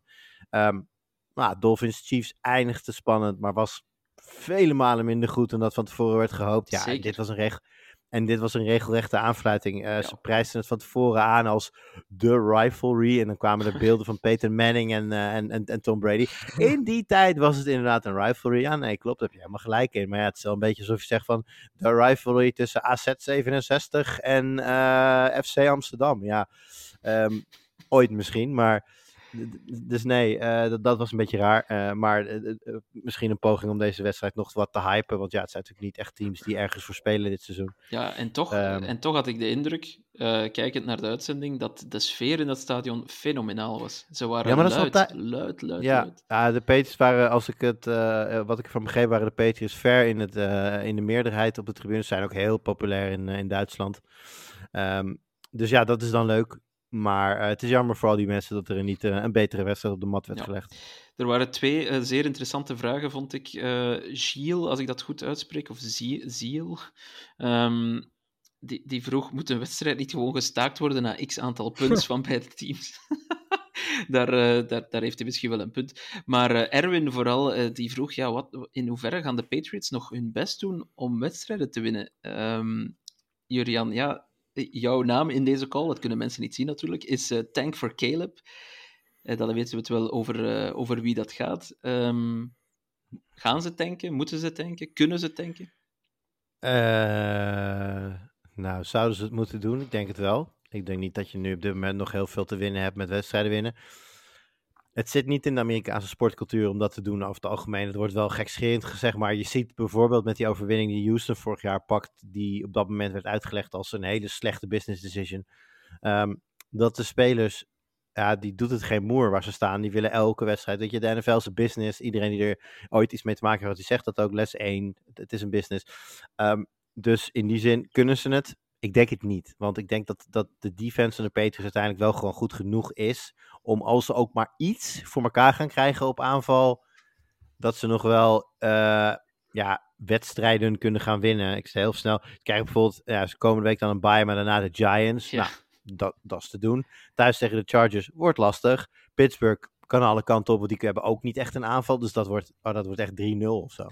En dan, ja, dan Kansas City, ik denk het niet. Dan Denver, ja, helemaal de vraag welke Denver je krijgt op dat moment. Eh, en dan at Buffalo, idem. Ga- welke kant, die, die zit echt op een breekpunt. Kan zijn dat je gewoon de Bills volt krijgt en gewoon com- compleet wordt weggespankt. Kan ook zijn dat het gewoon weer een, een, een wedstrijd is. Ik denk het niet. Ik denk dat de Bills iets, recht, willen zetten tegen de, tegen de Patriots. En als laatste dan de Jets. En daar geldt eigenlijk hetzelfde voor. Zal ook, eh, k- zal ook nog eh, belangrijk zijn in hoeverre de Jets op dat moment nog ergens voor in de race zijn. Dus ergens één of twee winst nog bijhalen. En dat is al te veel. Ik bedoel, Als zij nog één wedstrijd winnen, zijn ze in principe kansloos voor de eerste, eerste pick. Dus.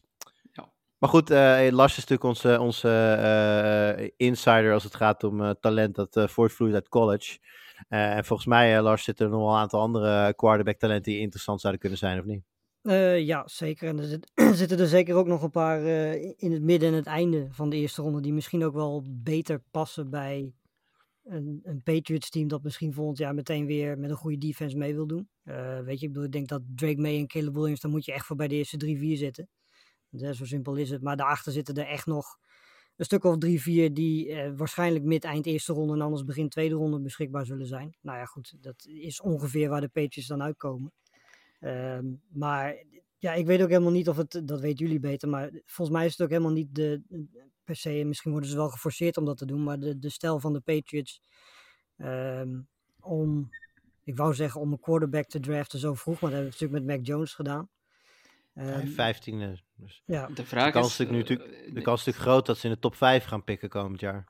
Ja. De vraag is wie gaat, de, wie gaat de pick maken natuurlijk, want ik vind het toch zeer bijzonder hoeveel geruchten er uh, week na week uh, nu worden losgelaten op de wereld over... Bill Belichick gaat al in het midden van het seizoen ontslagen worden. Hij gaat naar de Commanders. Hij gaat, weet ik veel, ik heb de Giants zien passeren. Dat zou ik wel heel bijzonder vinden. Ik heb ook al gezien dat hij een rol krijgt in de volgende Star Wars film. Nee. Dat is wel echt perfect. ja, dat zeker. Dart Belichick. Ja, precies. Dat, dat, is hij al gewoon met die hoodie. Ja. Het is gewoon al klaar. Klopt. Maar ik vind het toch... Uh, dat had even goed trouwens mijn moment van, uh, van de week kunnen zijn, maar op een gegeven moment... Um, ik denk dat het de... de, de ja, een, een fout, misschien de, een intercep misschien de interceptie van Mac Jones, maar het was niet die laatste, denk ik. Nee, het was die slechte bal van Mac Jones, die net niet geïntercepteerd wordt. Dan uh, cut uh, de camera naar uh, Robert Kraft en die laat zijn hoofd hangen zoals ik dat nog nooit bij hem heb gezien. Het was echt een soort van complete verslagenheid.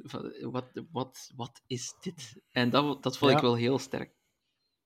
Ja, kijk, je kan zo'n man ook niet kwalijk nemen. Ik bedoel, het is, ja, het is natuurlijk, hè, als je altijd maar in de top hebt gestaan en je weet, je weet eigenlijk de laatste twintig jaar amper wat verliezen is, dan is het natuurlijk wel even een hele harde fall from grace om ja, toch al inmiddels een aantal jaar verder te zijn na, het, na het vertrek van Tom Brady.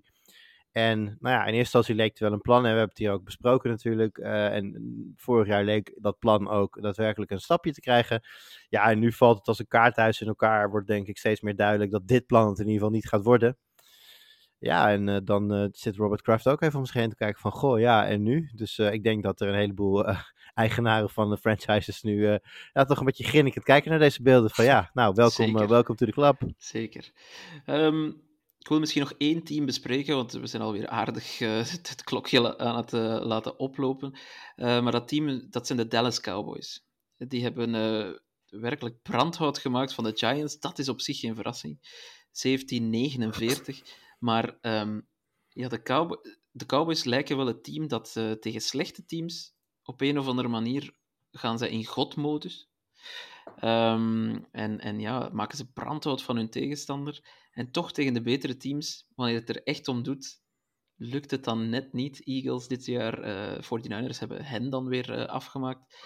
Julian, hoe, hoe, moet ik kijken naar de Cowboys? Ik, ik, wil ze heel graag serieus nemen. Ik vind ze eigenlijk ook een leuk team. Gewoon om te zien. Maar ja, kunnen ze, kunnen ze wel winnen als het, erom, als het erom doet? Ja, nou ja, hoe moet je kijken naar de Cowboys? Ten eerste met oordoppen in, vraag maar aan Lars. maar uh, als je eenmaal voorbij de here we go bent, dan uh, denk ik dat je naar ze moet kijken als een team dat je sowieso in de playoffs gaat zien.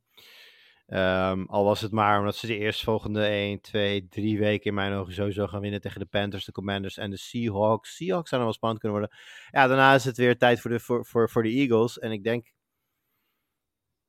Ik denk dat Dallas die gaat winnen. Thuis tegen de Eagles. Ik denk dat uh, Dak op dit moment ook echt in een bepaalde groove zit. Die ik lang niet gezien heb bij hem. Um, hij heeft namelijk bedacht dat uh, CD Lamb een goede receiver is. Dat is, uh, ja, dat is wel een, bizar.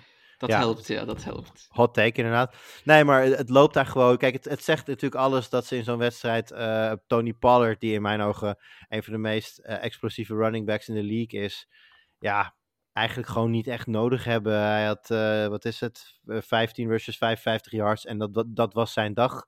Ik denk dat er een hele hoop fantasy uh, voetbalspelers de score van de Dallas hebben gezien tegen de Giants en dachten, ah, dit is goed nieuws voor mijn Tony Pollard. Maar helaas, dat lag allemaal bij Lamb en Brandon Cooks voor het grootste gedeelte. En Dowdle Dowdle, ja, Dowdle is het is een beetje aan het overnemen daar. Ja. Nou, ik denk dat dat vooral een beetje blowout is. Dat zij ook niet per se eh, Pollard... Pollard is natuurlijk ook niet een, een Henry. Het is ook niet een bruising back die je over... Dus een, eh, die jongen een beetje beschermen is wel zo slim. Maar goed, die hebben ze dus deze week niet eens nodig gehad. Ik denk dat die offense gewoon wel ehm, ja, mee kan met de beste.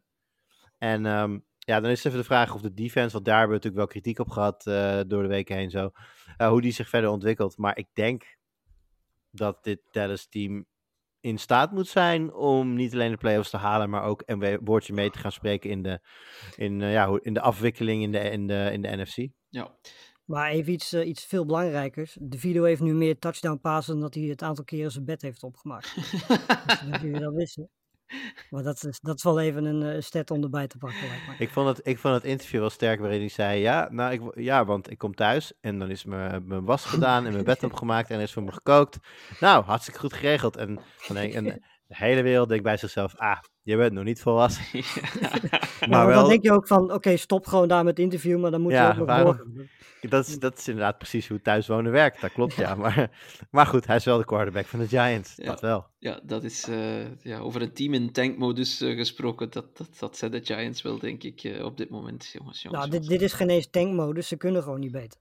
Het is wel echt bijzonder hoe, hoe, hoe diep je kan zakken op één seizoentijd. Dat vind, dat vind ik nog altijd heel, heel verbazend op een manier. eh. Ja.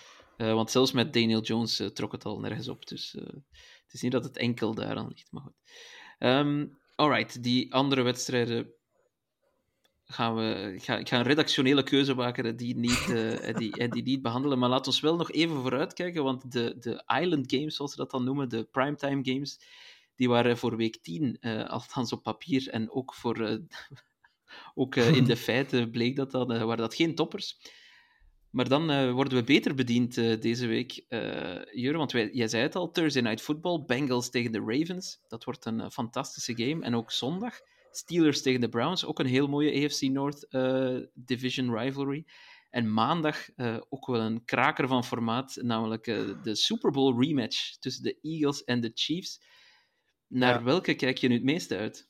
Even tussendoor, de late game op zondag is trouwens Vikings Broncos, hè? Niet, eh, niet Steelers Browns. Oh ja, klopt, klopt, klopt, klopt, inderdaad. Maar dat maakt, maakt verder niet uit. Ja. Waar kijk het meest uit? Nou, ehm, ja, kijk, neutraal gezien zou je moeten zeggen Eagles Chiefs. Omdat dat natuurlijk het beste team in de league is tegen nou, de facto het beste team in de AFC.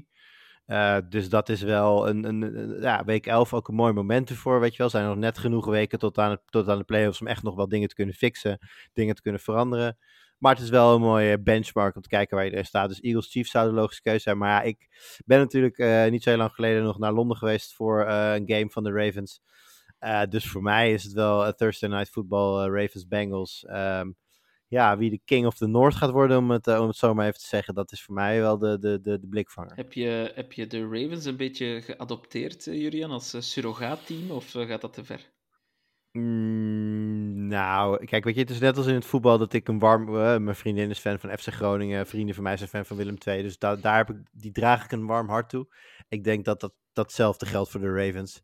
Ehm, maar als ze tegen de Patriots spelen, dan ben ik voor de Patriots uiteraard. Niet dat het helpt, maar nee, inderdaad. Eh, Lars, ja, wat denk je, Thursday night of eh, Monday night voetbal? Of wil je toch gewoon Broncos tegen de Vikings eh, als liefste zien? Nou, ik ga je heel eerlijk zijn dat ik, eh, weet je, die twee wedstrijden kiezen is natuurlijk het meest logische. Maar ik kijk eerlijk gezegd wel uit naar eh, Cardinals Texans. Dat klinkt oh, mochten we de rest ook kiezen? Ik dacht dat ik een van de night games moest kiezen. Nou, als ik, dan, als ik me dan even aan de regels hou, dan zeg ik de Eagles tegen Chiefs. Maar ik, eh, ja, op een of andere gekke manier kijk ik wel uit naar Murray tegen Stroud. Als ik heel eerlijk ben. Want ik, we hebben natuurlijk Murray afgelopen weekend weer voor het eerst gezien. En ja, het was toch wel weer gewoon genieten. Weet je, ik bedoel, we kunnen over zeggen van Murray wat je, wat je wil. Maar eh, hij vermaakt wel. En eh, ja, op de manier waarop Stroud op dit moment speelt, denk ik dat dat een hele Ja. vermakelijke wedstrijd met veel punten kan worden. Helemaal eens. Heb je trouwens, hebben jullie trouwens die, sta- die eh, stat van eh, Trey McBride gehoord? Nee. Eh, hij, hij, hij ging over de 100 eh, receiving yards. En dat is de eerste Cardinals tight end die dat doet in een game. 100 receiving yards sinds 1989. Wat? Ja. Ja, dat is echt waar. Dus, uh, en het is ook, uh, als je- heeft, heeft dat nog niet gedaan dan? Nee, nee, nee. Alle tight ends sinds, sindsdien niet. En het is geloof ik de best. En hij heeft dan het hoogste aantal yards voor een tight end sinds iemand in de jaren 70 uh, als tight end van de Cardinals dan. Dus uh, ja, dat was een, een aardige coming-out game voor, voor Trey McBride. Die uh, laat zien dat hij niet alleen met Dobbs, maar ook met Kyler Murray kan. Nice. En het was, wel lekker om, het was gewoon wel lekker om die beentjes weer te ja. zien gaan. Hè. Dat was, ja. wel weer, uh, was wel weer genieten. Ja, voor de Falcons was het, uh, was het alweer een duistere, duistere avond. Uh, die een seizoen is stilaan ook wel klaar, denk ik. En, en Murray, ja, hij wint zowaar in de week dat uh, Call of Duty 3 uh, uitkomt, als ik het goed heb. Dus wie weet heeft hij echt een pagina omgeslaan in, uh, in zijn carrière. Over games gesproken trouwens, ik weet niet of jullie hem al gezien hadden, maar ik kreeg net een plaatje ja. doorgestuurd van een alternative ja. uh, Madden 24 cover met, met een sip-kijkende Josh Allen op de voorkant, de Turnover Edition. ja, als, ik, als je toch EA bent, dan moet je dit eigenlijk meteen, meteen adopteren. Ja. Zal wel niet. Nee, nee.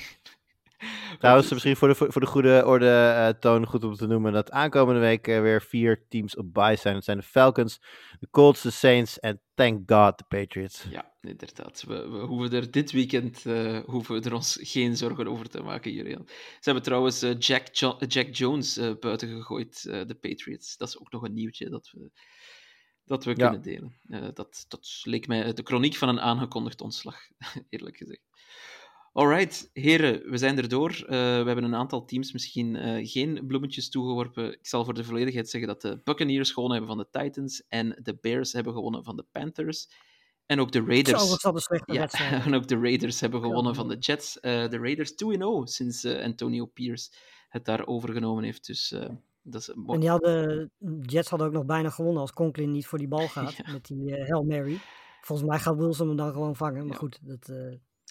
Ja, maar... en uh, de, de, de, de, reden dat het daar nu helemaal goed gaat, is dat uh, uh, George Jacobs voor het eerst sinds de Gruden Days weer inspraak heeft in wat voor running plays er zijn, er worden gekald.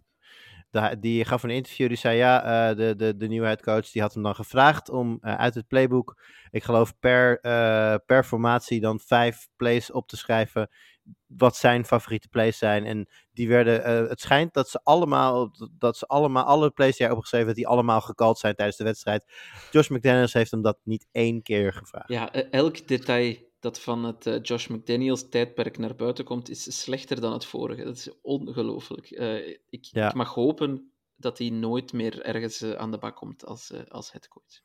Ah, offensive coordinator bij de Patriots toch? Ja, dat, kan hij, dat, dat mag hij. Als headcoach, als, als headcoach, dat wens ik gewoon niemand toe. Maar offensive coordinator bij ons, uh, sorry, bij de Patriots, uh, dat, uh, ja goed, geef hem nog maar een kans, geen probleem. Um, alright, Uh, bedankt heren voor jullie uh, deskundige input uh, in deze hele fijne podcast. week 10 zit erop. we kijken alweer vooruit naar week 11. Komende donderdag dus met een onvervalste topper tussen de Cincinnati Bengals en de Baltimore Ravens. daarover kan je natuurlijk alles lezen op sportamerika.nl. En voor een nieuwe podcast nodig, nodig ik jullie graag kan ook al niet meer praten, nodig ik jullie graag uit volgende week uh, op de gekende kanalen. Tot dan.